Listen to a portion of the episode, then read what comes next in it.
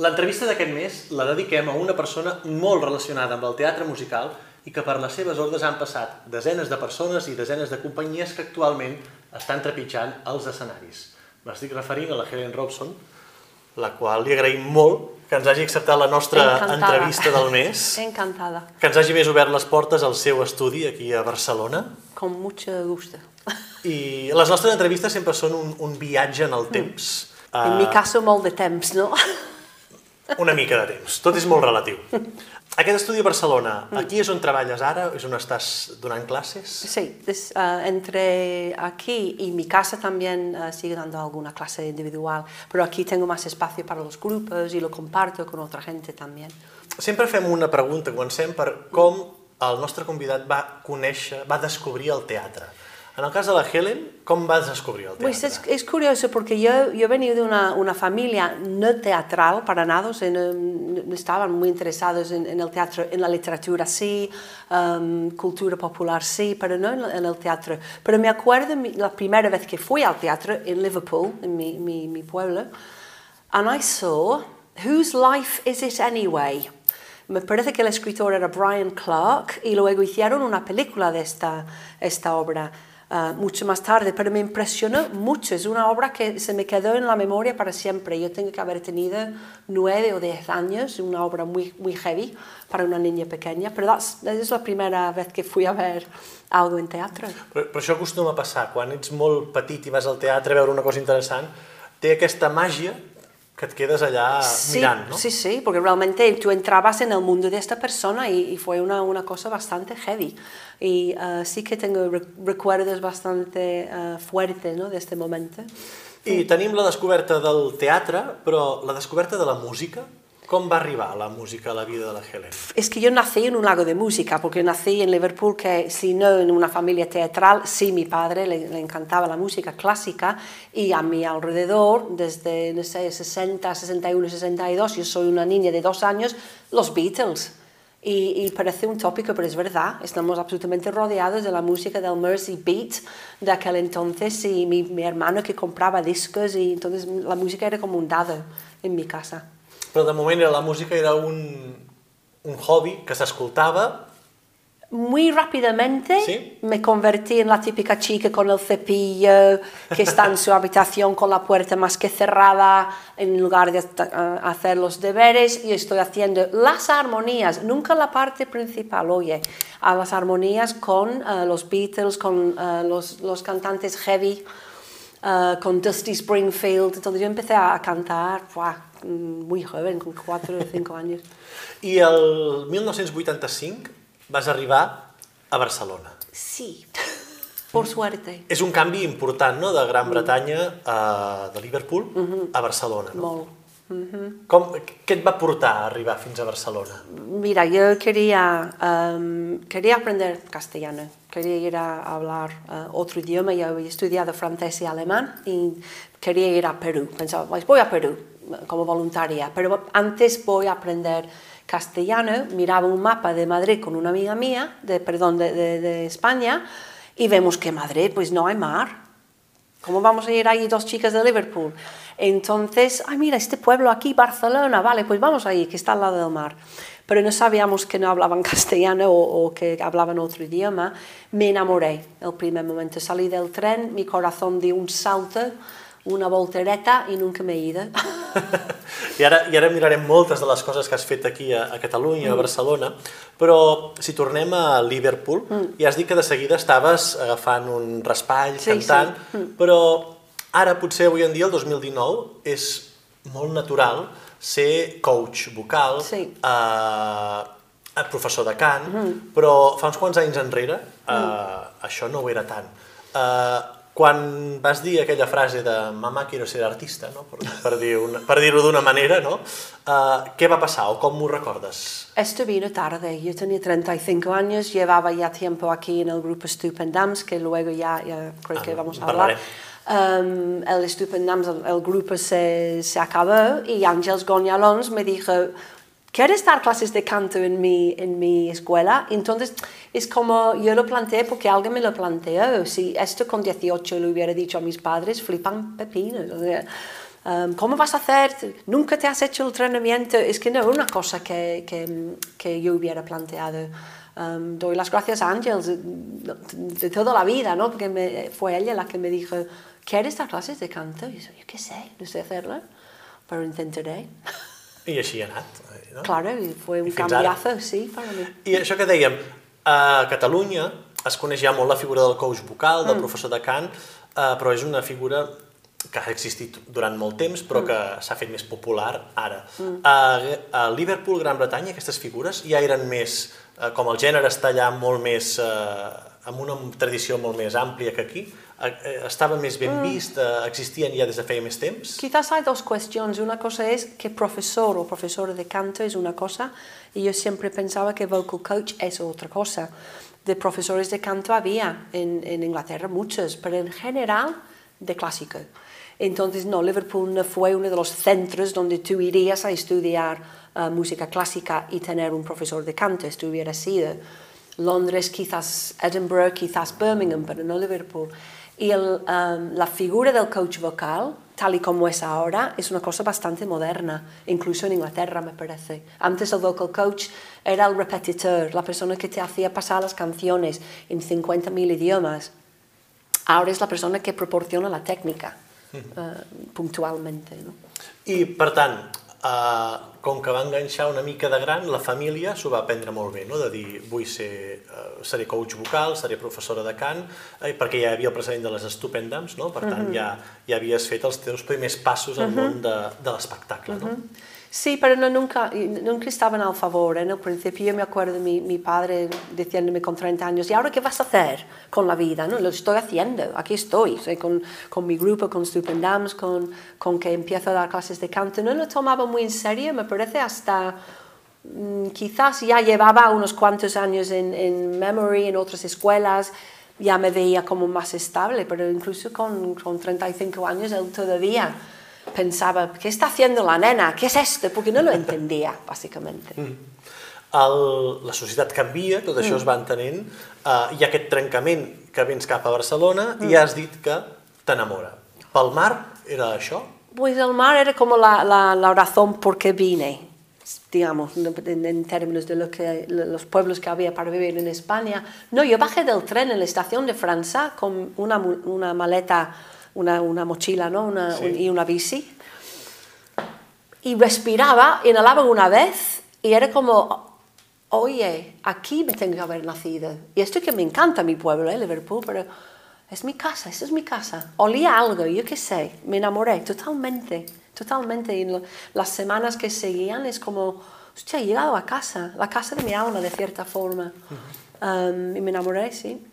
De Barcelona. De Barcelona. I aquí estem, encara aquí en un estic. estudi a, a Barcelona. I molt feliç. I quan vas arribar aquí, el, això que deies de cantar amb el raspall a l'habitació sí. es va anar transformant en grups com l'Stupendance. Claro, sí, sí, por la primera vez yo veía una salida que ser, querer cantar, que yo tampoco tenía pretensiones de, de, de ser cantante profesional, pero sí como hobby. Y, y había salidas, y la primera era un, un coral de un tal Rafael Subirax, no sé si acuerdas de, del gran Rafael Subirax, y allí conocí a Viv uh, Manning y a Laura Teruel, Ana Subirana, empezamos a hacer um, esos encuentros los viernes por la mañana en el taller de música y montar pequeñas acapelas para, para chicas. Uh -huh. I d'aquí va sortir l'Estupendams. Les Estupendams, Que té com dos uh, repartiments, no? Una, dos un... generacions. Exacte, dues generacions, sí, no? Um, que diguem-ne tampoc mm, s'havia sentit gaire el, el vocal a capella uh, d'aquesta manera? Había muy poca cosa. Había corales, había um, coros de cámara, digamos, de, de, madrigales, había muchas cosas de armonía en Cataluña, por favor, es enorme aquí. Però la, en aquest la... estil segurament no tant. Claro, no, no, y a capella, digamos, funky o punky o, um, o feminista, uh, lesbiana, todas esas cosas, era como nuevo lo nuestro, sí, multicultural y, y con diferentes idiomes, no havia altra cosa. No. I, I recordes com va ser rebut el fer els bolos, les actuacions? Super. Era una cosa diferent, ¿no? Per tant, atreia. Sí, me encantaba porque éramos políticos, pero tampoco reivindicativas al punto de insulto. Era una cosa light y bonita y divertido y la gente le encantava, sí. Si algú no va veure mai un bolo d'Estupendams, com el definiries? Com li explicaries? Què era? Um, funny, divertido, caliente, um, va, variopinto, um, hay muchas palabras. se'n poden, fer, se poden fer una idea ja, sí, totes sí. aquestes que has dit. Mm. I a més a més, hi van haver-hi dos enregistraments de, de discos. Sí. Que avui en dia fer un disc, eh, no diré que sigui fàcil, mm. però està molt més a l'abast de tothom. Mm. Fa uns quants anys enrere fer uns discos era, era molt més costós. Claro, es que, y además alguien tenía que um, confiar ¿no? en que este disco es, es mucha pasta, invertir, que ¿dónde vamos a vender a capella feminista, vamos a entonces lo, lo, pagamos nosotras directamente. O los primeros años eran años que ganamos bastante dinero. Entonces um, planteamos pues fuera discográficas, fuera, um, yo que sé, editoriales, lo hacemos nosotros todo desde el principio al final. Nos arruinó, me parece, pero sacamos el disco nosotras. Sí, sí. Aquest debat és un debat que encara persisteix en grups de música. Clar. Estic en una discogràfica, no hi estic, val la pena, mm. m'ho faig jo... Hoy en día no estoy muy metida en, en, este mundillo, pero yo creo que seguiría haciendo lo mismo, la verdad. Yo creo que la autonomía, uh, mirando hacia atrás, estamos, uh, acertamos. Pasa que, claro, era una ruina uh, econòmicament hablando este primer disc. Però també, diguem-ne, era una llibertat 100% artística, ¿no? Total, total, total. Y se nota, se nota que es una cosa que hemos puesto mucho amor y... y... I les Estupendams van, van plegar. Sí però hi ha un, si hem dit que hi ha un pas important a la vida de la Helen, que és eh, venir a Barcelona, sí. potser hi ha un altre pas important que és el Joy Still, no? Oh, sí. Sí, que, sí. que el va... Que vas, antes i després. Que això ha marcat, diguem-ne, la, la vida de la Helen, ¿no? Sí, sí, sí, porque cuando empecé a dar clases de canto, que la Ángel muy, muy amable me, uh, me dio su confianza, yo no sabía dar clases de canto, lo digo con, con toda la honestidad, honestidad del mundo. Um, entonces iba, iba en búsqueda de algo y lo primero que encontré era Joe Estel. Y este es, un, es un, la otra gran favor que me hizo la vida, aparte de Barcelona, Joe Estel. Fue increíble, es lo primero que encontré realmente. Y mm, de las personas más, um, ¿qué sería la palabra? Um, carismática humilde, inteligente sobre todo, que había conocido en mi vida y fue como un, wow, yo quiero saber lo que hay en la cabeza de esta senyora. It's amazing. Perquè, per exemple, has dit que estaves donant classes de cant al, a l'Escola Àngels Minyons, mm. al Memory, mm. que, clar, en el moment era l'escola que hi havia a Catalunya de teatre clar, musical. Sí, sí. Ara, avui, al 2019, n'hi ha moltes, mm -hmm. però en aquell moment això no era, no era, uh, no era habitual. Era l'única que hi havia allà. Per tant, allà, i suposo que en aquell moment hi devia anar estudiants joves, actors que volien aprendre a cantar, no? eh, devies trobar un perfil d'alumnat molt, molt diferent. No? Molt diferent i de molt nivell, de molt nivell. Tu ara ja ves la, la gent que hi ha en, el, en les escenaris d'aquí Catalunya i d'Espanya que, que van uh, començar amb, amb aquesta escola. O sigui, i, I els profes, Anna Güell, Tamsin Townsend, Carlos Canut, tot, gente que realmente yo no, yo no conocía a la gente del teatro, fue un aprendizaje para mí. Yo creo que a Ángels le gustaba mi, mi, mi, mi uh, pasado en armonía, o sea, yo, yo sabía hacer um, coros, voces, y esto fue útil para, para, para, ellos, ¿no? Pero técnica fue nueva para mí y el teatro musical para mí, os lo digo con toda honestidad, realmente empezó allí.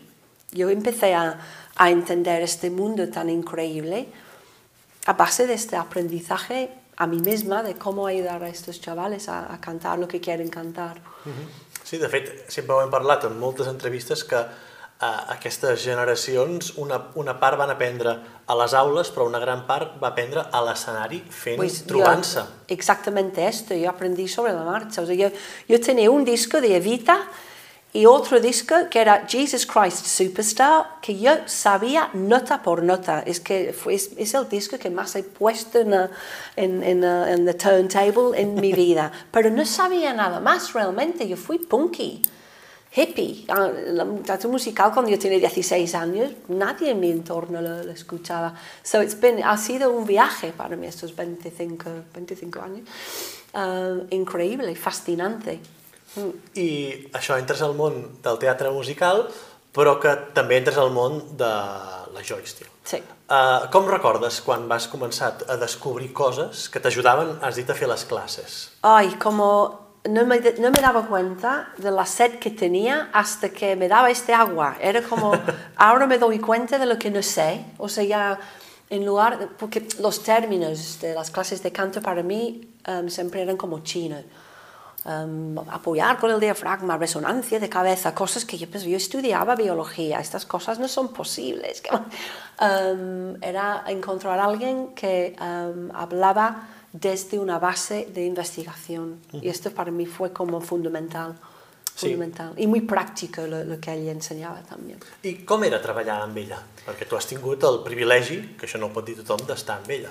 Te dejo con la frase de mi, mi colega Paul Farrington, que es un señor prof- profesor que ha venido por aquí mucho. Es como leer la Biblia en la presencia de Jesús. És una frase, pel- pels que l'hem conegut, molt Paul Farrington. Sí, también, sí, porque con todo lo que él es un gran experto, él tenía la misma sensación. Trabajar con ella fue todo un lujo y um, no te puedo explicar el miedo que te daba a la vez. Perquè jo, jo recordo, em sembla que era el mateix Paul Farrington, que deia era una persona baixeta, Sí, bacheta con osteoporosis però que, però que tenia caràcter, no? y tenía un grito que te partía la cara a dos kilómetros. Era como, ¡No! ¡Oh! Sí, sí, no, todo un personaje. I què creus que de la Jo que el que la caracteritzava més, què seria? Inteligencia profunda, sin límite. I vas arribar a fer uh, aquest estil vocal, que jo recordo una mica quan a principis dels 2000 va arribar a, a Catalunya. Tu estaves. Jo, jo, jo era allà. Allí, el públic. Però hi havia com en el sector del cant com un... va ser com una revolució, un rebombori. Sí. Perquè segurament, eh, corregeix-me si m'equivoco, però ordenava coses o desmitificava coses Sí. en el món del cant que eren molt etèries Sí. o molt poc concretes i una mica el, potser el paper de la Voicecraft en Sí. aquest cas és d'ordenar com professionalitzar tota, tot aquestes, aquests ingredients, no? Sí, sí, es que tú veías la gente diciendo, en, en el- los mismos cursos con caras de, siempre había pensado, realmente yo no sé si estamos enseñando cosas que la gente ya no sabía. Lo que pasa es que eh, nos contaban historias que eran quizás complicadas de entender, que no estaban así em, regularizadas o organizadas de la misma forma. Y se recibió muy bien, incluso por los gran divas del, del, del ca- del canto y de medicina. Yo hablo de, gente como Cori Casanova, que es una gran foniatra europea, mundial, que lo aceptó mucho eh, y nos ayudó mucho a, a, promo- a promocionarlo. I Jo recordo això de, de, de que una part de la professió estava com... Bueno, és una cosa nova, si deu ser nou, deu ser dolent, però que quan arribaves allà eh, t'explicaven, i no només t'ho explicaven els professors de cant o els coach vocals, sinó que hi havia això que has dit tu, de la part de la medicina, no? Per tant, perquè diguem-ne, és, és el cos, no? Claro. Y claro, y siempre mm, espero que con em, una, la misma humildad que ella tenía, ¿no? Es decir, no estamos diciendo que lo que sabéis no está bien, estamos diciendo que mira, vaya manera de, de, de categorizarlo o de organizarlo, es que está muy, em, es un paquete muy interesante y espero que esto siga así, que hay muchas más cosas en el mundo que no es Still Voice Training, es una parte de, de lo que hay, pero es una parte muy interesante, me parece.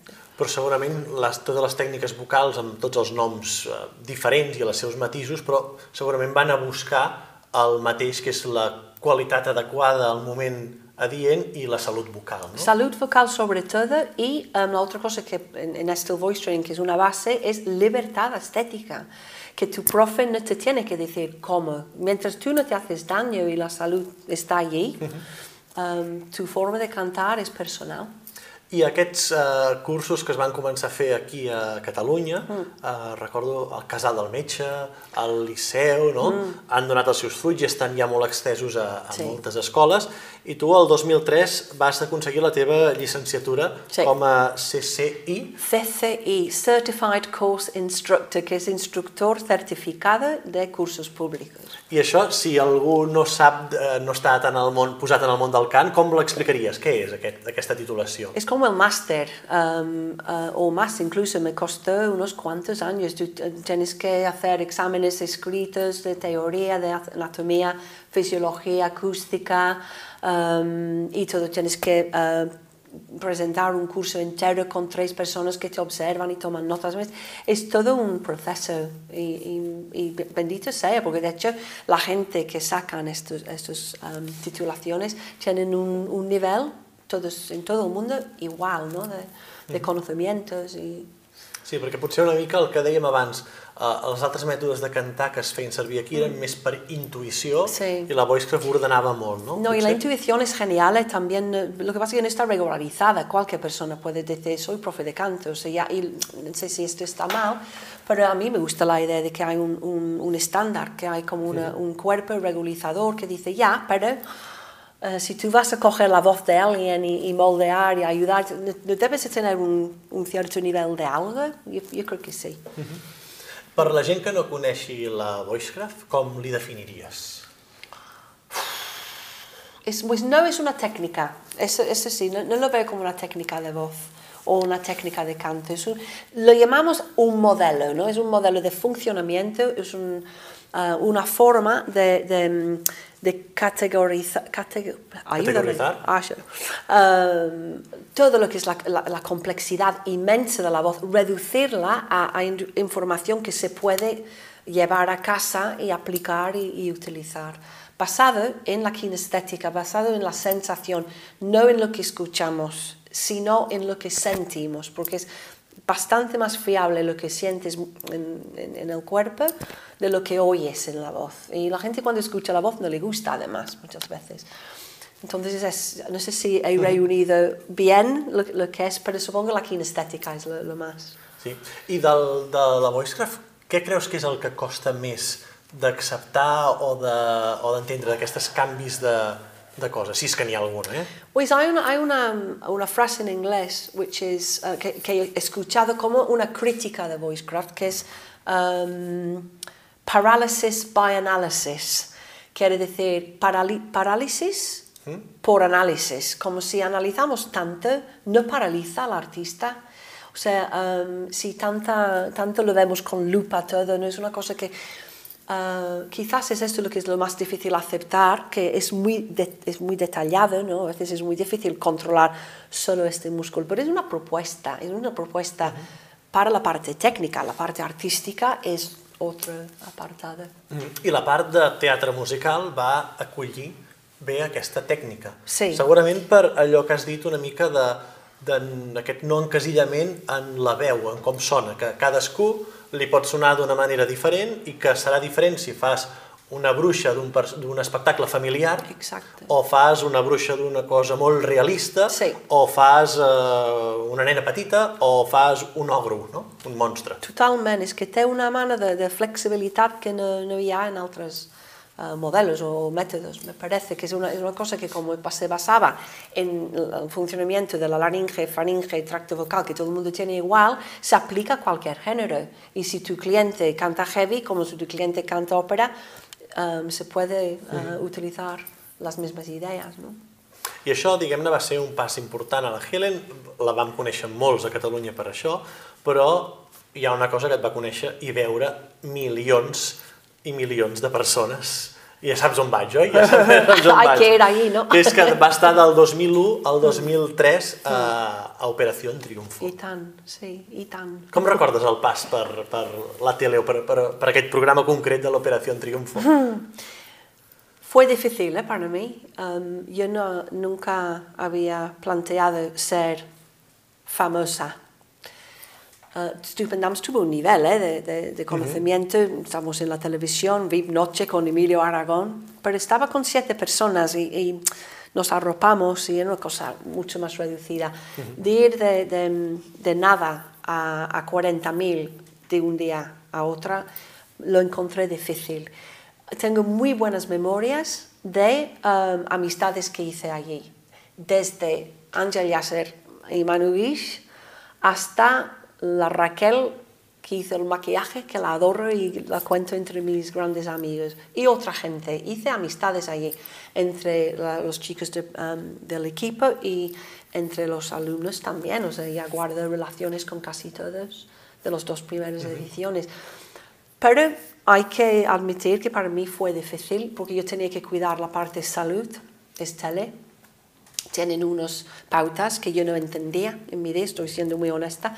No, no lo digo por crítica, sino diferente, quizás, um, criteria. Enfoque, ¿no? Y como yo fui muy uh, virgen en todo este mundo, yo defendía mi parte de una forma quizás muy cruda y um, esto no encajaba a veces. Entonces había momentos difíciles, pero también hay que decir que fue, había cosas increïbles, más que nada el primer año fue increïble.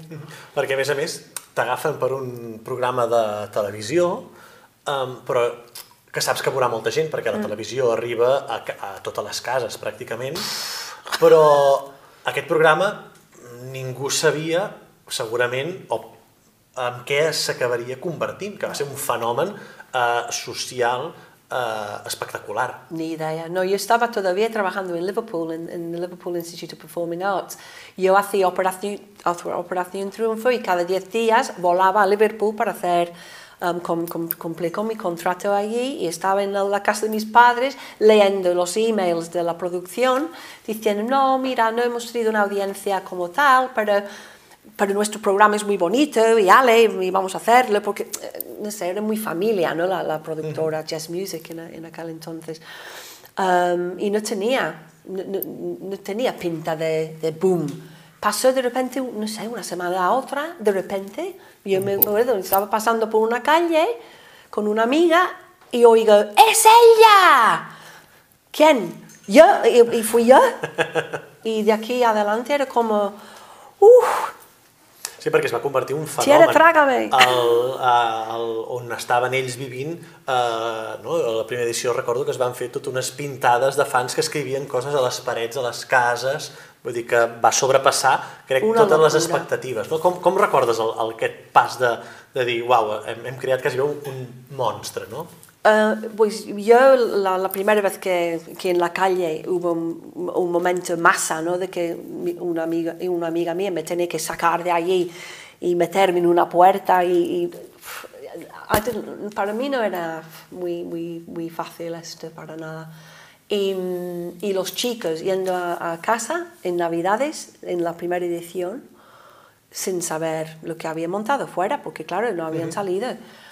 Y como eran cuando volvieron, de como, como miedo, ¿no? De que, madre mía, lo que se ha montado ahí fuera mientras nosotros estamos aquí.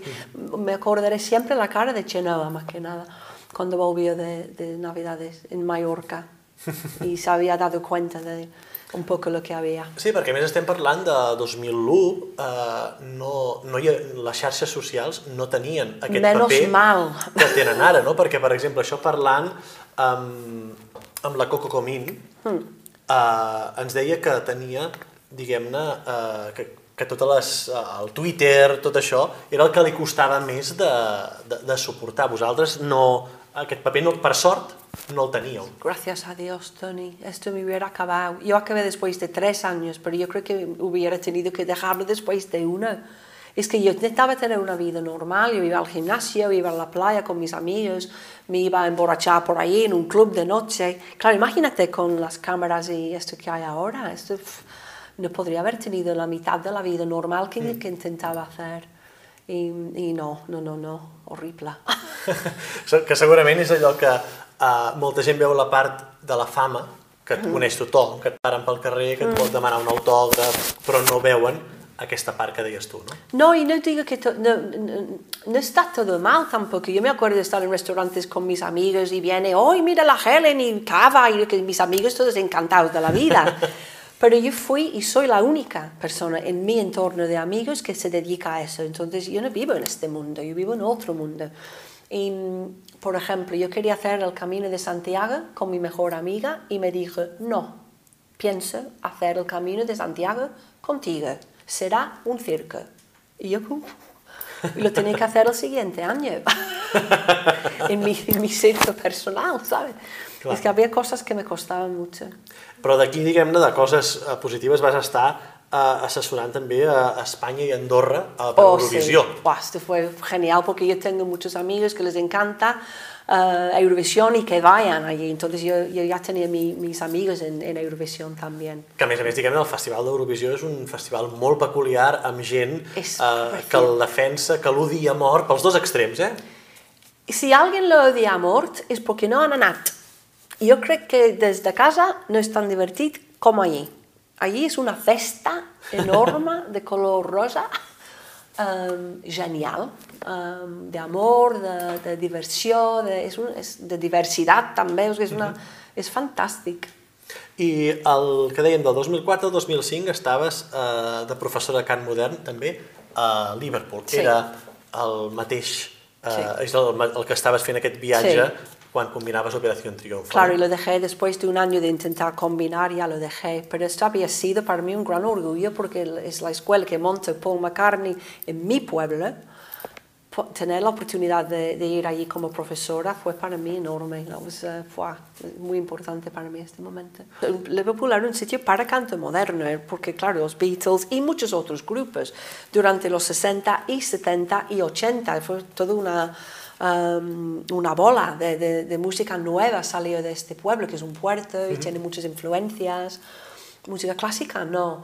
But, um, lo que no había en Inglaterra entera era una escuela uh, dedicada a música moderna, como en Nueva York había, uh, the Fame School. So, um, lo que querían era recrear dentro de lo que las Islas Británicas, ¿no? un, sitio de este tipo, y Paul McCartney tenía la idea y el dinero y el sitio que era su vieja escuela, donde iba mi hermano de pequeño incluso. Cada cop, eh, per també potser la globalització, Mm. aquestes maneres diferents de que a Nova York hi havia una cosa, que a Londres no hi era, Mm. Barcelona no se sap, a Madrid, mm, cada cop hi és més a tot arreu, no? s'està juntant més. És a dir, que la teva manera d'ensenyar o el nivell dels alumnes que et trobaves a Liverpool era molt semblant als alumnes que tenies o et trobaves a Barcelona, no?, en aquells moments. En aquells moments, no. Jo O encara hi havia diferència? Uh, tens- tienes que pensar que mi pueblo en aquel entonces tenía quizás mucho más historia de teatro musical.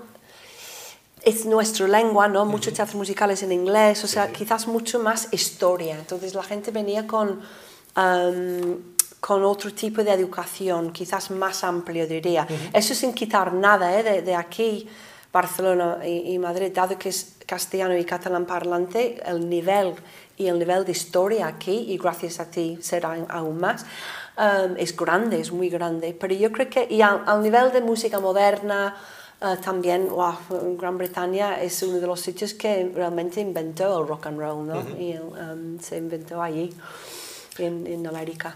I estaves a, a Liverpool, però també aquí a Barcelona vas donar un curs de postgraduats de logopeda a la Universitat Blanquerna. Otro gran uh, reto y otro gran, uh, no sé, un gran favor casi nos hicieron Cory Casanova cuando ella um, llevaba el, el postgrado uh, de logopedia allí y nos invitó a hacer un curso de, de Still Voice Training, allí empotrado en el curso.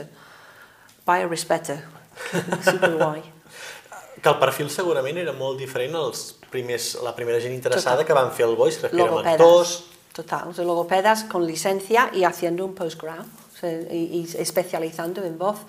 Y claro, yo en aquel entonces yo no había hecho mi- mis títulos en patologías que ahora tengo, que yo fui a, volví a Inglaterra para hacer un máster en patologías, pero entonces no lo tenía. Entonces, mucho respeto, porque estos chavales, y no tan chavales, em, tenían muchos conocimientos ya. Has dit que d'Operació Triunfo vas tenir molts amics. Un cas numerat era en Manu Guix, Sí, que el 2005 sí. vas fer un concert amb ell. Me invitó a hacer dos canciones en un concierto a Mel y yo no había estado en un escenario desde el, el- el- el fin de Stupendams en 96 Y yo dije, ok, sí, me dio confianza para hacerlo y lo hicimos dos, uno en Luz de Gas y uno en, en el Palau de la el Música. Palau de la Música. Diguem-ne, dos, dos locals molt diferents però molt emblemàtics a, Total, a Catalunya. sí, fantàstic, sí, sí. Es, Gràcies, Manu. eh, es, es té sempre aquest eh, mono d'aquesta drogadicció de voler, de, de voler estar a l'escenari un cop l'has tastat? No, no, la adicción para mí es docencia, me encanta, me gusta mucho el escenario, me, me siento muy en casa, más que nada si es una, um, un entorno divertido, de comedia, lo mío es, um, no sé, la- la- el chiste rápido, ¿no? Me encanta improvisar, siempre ligado con la música, um, pero no lo necesito, no, no es una droga para mí, lo siento. No, no, Aunque has- dar clases es un performance. Y um, también, no sé, tiene mucho que ver, de hecho. Me encanta, me encanta. Y lo echaría mucho de menos ahora si no lo, eh, no lo, lo- Si no no lo hace. Sí, sí. Això que dius de donar classes, que t'encanta, eh, una part de l'alumnat segurament és gent que vol aprendre a cantar. Sí. Però també hi ha una part, lligant una mica amb això que deies de les patologies, que són gent que ve a tu perquè té un problema vocal. sí. Aquí hi ha una, una doble responsabilitat eh, Es enorme la responsabilidad. importantíssima, no? Sí, sí, sí. Por eso me gusta que trabaje eh, muy estrechamente con, con gente como Cory y, y logopedas que conozco, que siempre me gusta la idea de que estoy arropada en este sentido, pero claro que es una responsabilidad y yo sé, marco muy, muy em, claramente los límites ¿no? de lo que se puede hacer, lo que no se puede hacer, pero también me encanta porque cuando, cuando ves a alguien mejorar, es tan importante, ¿no? Para, para un cantante, su voz, para un actor, para cualquier persona, que cuando pierdes la facilidad y alguien te ayuda a, a reencontrarlo, pues eso es un enorme, um, es un privilegio, es un gran privilegio. Perquè en el món del futbol està molt assimilat que els futbolistes estan fent, estan fent anar la maquinària al seu cos molt al límit i que de tant en tant tenen lesions. Però que en el món de la veu això potser encara socialment no està tan, eh, tan acceptat. No? Jo recordo com una gran pàgina al diari quan eh, la Rosa, la Rosa d'Operació Triunfo va tenir problemes vocals. No? Semblava com eh, s'ha fet tot malament. Dius, no, no, són coses que passen, no? segurament. Hay más lesiones de piernas y pies en, en en el mundo de los futbolistas como hay más lesiones en las voces en el mundo de los cantantes, porque una de las cosas que me enseñó Joe Estel, la laringe, no, no su, su función primaria no es cantar, y hacemos un uso de este instrumento que es más de lo que, lo que eran sus, quizás sus posibilidades, entonces evidentemente hay más lesiones en esta población, es, es absolutamente normal. I molta gent de la que ve aquí són actors de teatre musical. Com, com veus el, el teatre musical a fora de Catalunya, eh, sobretot a la seva gran meca, diguem-ne, com Broadway i a, a Anglaterra i a ho- com ho veuries? Pues voy a decir otra cosa muy honesta. Yo no sé mucho del mundo del teatro musical en Londres. Ya, em, puedo decir esto con toda honestidad. Sé mucho más del teatro musical aquí que allá, porque yo, cuando yo me fui de Inglaterra yo no sabía mucho sobre, no es donde yo hubiera ido si estoy en Londres. Más fácilmente me encuentras mirando un match de fútbol, que es mi otra pasión, em, que, no, que no teatro. So I don't really know. Creo Però- que però- però- su historia está allí Sí. en Broadway, ¿no? Però a Londres hi ha un, la- aquí quin és el Liverpool, que té el, el seu himne, que és el You Never Walk Alone, no? Y tan.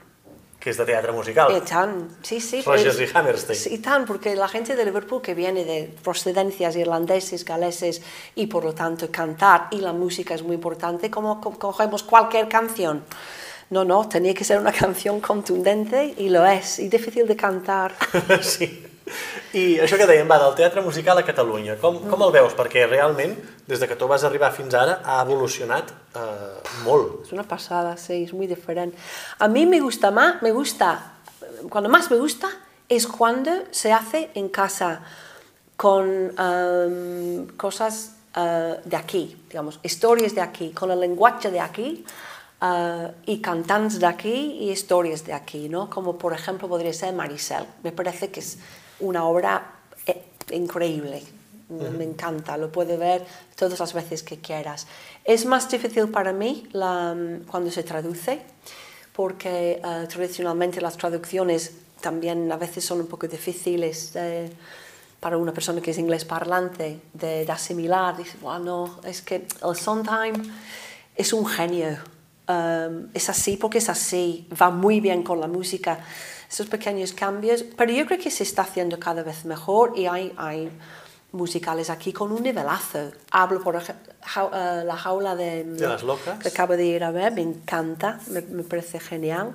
Uh, Mamma Mía me parecía muy bien, Miserables en Madrid fue toda una pasada, me acabé de pie. Uh, hay un nivel, hay un nivel de talento, eso sí, Lo, hay, hay gente aquí con un talentazo, cantantes y actores. Sí, potser sempre dic que ens falta una mica encara que les productores s'ho acabin més de, de creure i de confiar sí. per poder fer una mica més això que deies tu, un, més Maricels. Por favor, y hay una tendencia ahora que me encanta, el musical pequeño, el, musi el de autor, dicen, o de, de creación, sí, sí. Uh, gente como, um, como Mariona Castillo, Alicia también, uh, haciendo cosas como Pegados, cosas como Merda de Artista, que vaya, vaya musicalazo, me encantó, um, y lo que hace Dalgo Dagón, por ejemplo. Uh, yo iría por ahí, sí, sí, con, con todos los recursos que, que, que se puede. I molta, molta gent d'aquestes companyies ha passat per tu. De fet, ara estan, que estan aquí eh, acabant eh, el febrer a Barcelona, la família Adams, mm. tu has estat amb ells fent unes sessions d'entrenament vocal, ¿no? ¡Ay, qué divertido! sí, hicimos todo el curso de, de este Voice Training, nivel 1 y nivel 2, pero con el elenco, o sea, 12 en el primer nivel y 6 en el segundo nivel. Esto ha sido un, uh, uh, un, un placer, porque vienen ya formados como equipo, se conocen. Um, pregunto a uno y la otra dice, no, no, no, eh, cuando está en el escenario no es así, ella sí que sabe hacer twang, cada noche me rompe el oído. Uh, y esta uh, relación que tenían fue, fue genial, trabajar con, con ella y con ellos. Un placer. I és important no, també que la, els professionals que estan en actiu, mm. no, que estan treballant, eh, es reciclin, agafin més coses, més coneixements, perquè una cosa que segurament, eh, si no ho has fet, eh, no, no, no s'aprecia prou, és que mm. cantar cada dia, cada setmana, mm. set funcions, eh, per molt que hi ha covers, etc etc, és dur per, per l'instrument, per la persona en general. No, y para, hay, hay gente que no tienen covers, si no están enfermos y, y nueve funciones a la semana, es heavy metal, eso es mucha, mucho tute para la voz. Entonces, um, que se aprenden a cuidar uh, cada día, los pequeños calentamientos que pueden prevenir problemas, saben sus límites, el día que, vale, si estoy así, quizás no tengo que hacer todo en, a plena pulmón, estas cosas, sí, yo creo que es muy útil. I ara, actualment, la Helen mm. s'ha amb un nou projecte que es el Guateque Town. Sí, no tan nuevo, de hecho este proyecto ya tiene 10 años, lo que pasa que en los últimos años hemos actuado mucho más, hemos hecho varios cambios de, de, de personal, ¿no? y ahora tenemos a canto con Sarah Davison, que de hecho es la hermana de Mary Davison, que era un parte fundamental de las Stupendams. Entonces, um, con las hermanas Davison he cantado ahora durante casi 20 años o más, 30 años. Um, Sarah Davison, um, Larry Magariña, que es un guitarrista de aquí, um, Gracia, y María Eugenia Araya de Mendoza, que toca el bajo. I és un placer, són fantàstiques. I per si no coneixen la proposta, com la definiries? Perquè aquesta proposta estarà el dia 22 al Maldà. Sí, la propuesta es Guilty Pleasures, que son las canciones que cantas atrás de las puertas cerradas porque no quieres que nadie sepa que esa es una canción que te gusta. So, uh, son canciones de los 60, um, de, country, de, lo, que nos, uh, lo que nos encanta cantar. I que llavors rodarà més per, per diferents espais. Cada mes hacemos algo. O sea, en las salas de conciertos que hay aquí, que no hay tantos, um, esta es una cosa que hay que hablar aquí, ¿no? que no hay pocos sitios para un grupo de nuestro formato. Pero um, Maldá, Tinta Roja hemos tocado mucho um, y hay varios otros sitios que vamos a estar hasta el verano también. Sí, no? Així com, per exemple, potser en el teatre a Barcelona, per exemple, hi ha moltes sales alternatives, mm. moltes de les anomenades sales alternatives, que són mm. sales de petit format. Mm. Potser en música costa més, perquè en molts bars, per coses acústiques, sí. per normatives, mm. per eh, economia, ha mm. hagut de tancar aquest tipus de programació, no? Sí, pero acabo de leer en la noticia de que van a abrir, um, van a, a, a producir una nueva ley de semi, eh, como sonorizar a medias, o sea, un semi sonorizar para bares musicales, para que como pueden, un acústico, ¿no? claro, para que pueden tocar música acústica con algo de electrificación, que no tiene que ser absolutamente acústica, pero tampoco puede ser um, a plena banda, ¿no? Y que esto va a abrir uh, pie a 150 más locales, lo cual es importante para la música de, del nivel nuestro, es muy importante para que la gente sale, no es un gran concierto, cenas, vas a ver una cosa, no sé, corta, sí, sí. fácil. Entonces, hay muy pocos sitios para esto ahora mismo en Barcelona. I després d'aquest uh, Watikit Town, què prepara la Helen? Què li passa pel cap? Hmm, pues sí. Watikit Town tiene, tiene pies y para ahora no, no veo el, el fin de Watikit Town. O sea, yo quiero quedarme con este, um, este proyecto. Um, quizás un, un año sabático para descubrir nuevas cosas, tanto en la enseñanza de, de voz como en la música, en otras partes del mundo. Um, pero para ahora estoy con los proyectos, los, mis dos proyectos, que es mi trabajo, que es mi, la enseñanza, y mi hobby, que es, es cantar, están en un buen sitio. Entonces ja, un any sabàtic quizás un poc més allà. Perquè em dic que estàs aquí a Barcelona, però estàs aquí a Barcelona, però també estàs en molts més llocs, perquè viatges Porque con este voice training, gracias a Dios, me da la oportunidad de viajar y, y puedo viajar con, uh, con mi trabajo, que es muy bonito también. Y luego siempre paso vacaciones en Liverpool cada año, un, una semana hago cada, cada verano allí. Yo veraneo en Liverpool, oye. En lloc d'estar a la Costa Brava, no? Com, sí, exacte. Com, potser molta gent de Liverpool... La gent de Liverpool van allí i jo, mira, voy a... Bueno, anar al revés, les coses té la, té la seva recompensa. Ah, que sí. Segur, segur. Encuentros menos gente para empezar. Doncs eh, nosaltres sempre acabem les nostres entrevistes mm. amb una bateria de preguntes ràpides. Vale. Que a vegades no són tan ràpides de contestar. Uh -huh. Que és, quin va ser el primer espectacle musical que vas veure o que recordes? Aquí en... En, en... en Liverpool o en donde sea, o en Barcelona. Espectacle, però teatre musical o, o De teatre o musical. Yo no, no, no, te lo sé decir porque me parece que en Inglaterra no había ido a, a ver a, a quizás ninguna antes de venir aquí. Puede haber sido Torna a tocar Sam con Ángels Goñalons aquí en Barcelona. O Maricel incluso, I don't remember. Jo crec que el teatre musical jo no fui, no fui en, en Inglaterra. Ah, Fins a te vais echar. No. Si t'haguessis de quedar amb una peça, una cançó, de... la dividim en dos, una de teatre musical sí. i una que no formi part del teatre musical. Una cançó del teatre musical que, que me encanta. Um... Oh, qué difícil. Um, I, um... Wow me encanta la canción de Judas Iscariot en al principio de Jesus Christ Superstar. My mind is clearer now. No sé cómo se llama la canción. La canción de, de... Sí, de Judas, la primera. De Judas, es sí, de sí. las canciones que, que yo quería cantar. Um, y de canciones... Que no formin part del rock. Si tens alguna d'aquelles de, de capçalera, no? que, que t'acompanya al llarg de la vida. Um, We Can Work It Out by the Beatles. Pero es una de, de, miles de canciones que me han acompañado en la vida. We Can Work It Out, The Beatles, es una canción que fue, siempre me ha encantado. Si t'haguessis de quedar amb un autor mm. de teatre musical? Sondheim. Sondheim. Mm. Sí, tiene que ser una, porque me gustan cosas de, uh -huh. de diferentes personas y hay cosas de Sondheim que no me gustan. Pero Sending the Clowns, wow, no, no Sondheim, me parece, sí. Un record que t'hagi donat al teatre musical? Un record como espectadora o trabajando? Como que sigui. Mm, sí, me acuerdo la primera vez que alguien me pidió ser coach vocal en, un, en, en una obra que otra vez fue Ángeles Goñalons en um, Ángeles. Y pasé uh, muchos momentos muy, muy bonitos en, esta, en este trabajo. Muchos, muchos. No, sé decirte una. Me lo pasé muy bien. Hmm. Ja tenim. I la última.